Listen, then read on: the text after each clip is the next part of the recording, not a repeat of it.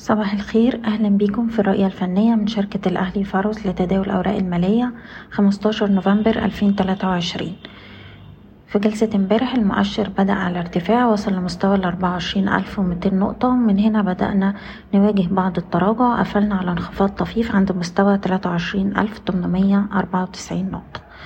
إحنا بقالنا دلوقتي للجلسة التانية على التوالي. المؤشر بيتحرك في نطاق ضيق ما بين آه، سعر الفتح وسعر الإغلاق في نفس الوقت مؤشر السبعين قفل امبارح بدون أي تغييرات جوهرية تقريبا على نفس سعر الإغلاق جلسة أمس الأول وبالتالي الأداء ده بيشير لحالة من عدم وضوح الرؤية لدى المستثمرين في المناطق السعرية الحالية. دلوقتي في حالة حدوث أي تراجع تركيزنا بيتجه لمستوى الدعم الهام التلاتة وعشرين ألف تلتمية وتسعين نقطة وأهمية المستوى ده إنه كان قمة سابقة وتم كسرها وبالتالي تعمل دلوقتي كمنطقة دعم وفي نفس الوقت ده بيمثل نسبة تصحيح خمسين في المية من موجة الصعود الأخيرة.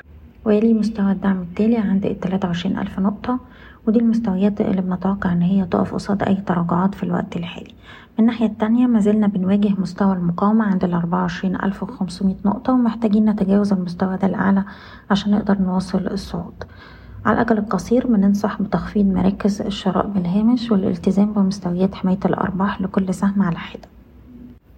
وبالنسبة للمستويات الهامة اللي هنركز عليها في الأسهم السي اي بي بنركز على مستوى الدعم التمانية وستين جنيه خمسة وسبعين قرش ونقدر نرفع مستوى حماية الأرباح للمستوى ده وما زلنا بنتحرك في نطاق ما بين الواحد وسبعين والتلاتة وسبعين جنيه. سهم القلعة نقدر نحتفظ فوق مستوى الاتنين جنيه خمسة وتلاتين وطول ما إحنا فوق المستوى ده عندنا مستويات مقاومة عند الاتنين خمسة وأربعين ويلي مستوى الاتنين خمسة وخمسين. سهم بلتون عنده منطقة دعم ما بين التلاتة ستين والتلاتة جنيه وأربعين قرش أقرب مستوى مقاومة عند التلاتة جنيه خمسة وتسعين وده مستوى مقاومة هام.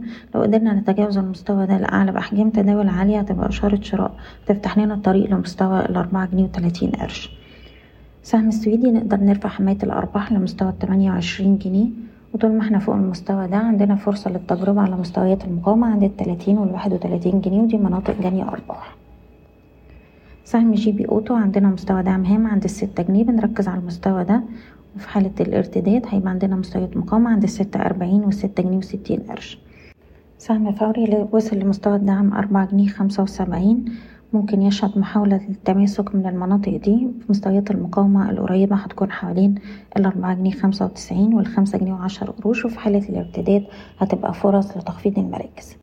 سهم حديد عز نقدر نحتفظ فوق الخمسة وسبعين جنيه وطول ما إحنا فوق المستوى ده عندنا فرصة للتجربة على مستوى المقاومة عند التلاتة وتمانين جنيه وسبعين قرش وده أعلى مستوى السهم سجله.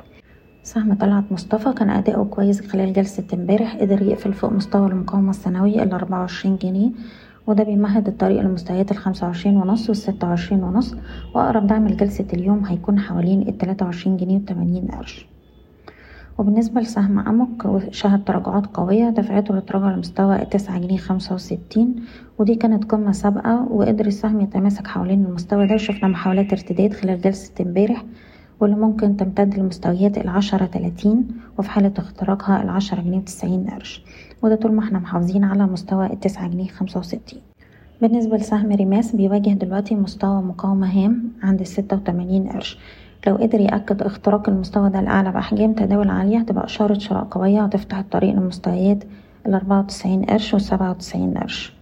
نقدر نرفع مستوى حماية الأرباح لأقرب دعم عند التلاتة وتمانين قرش.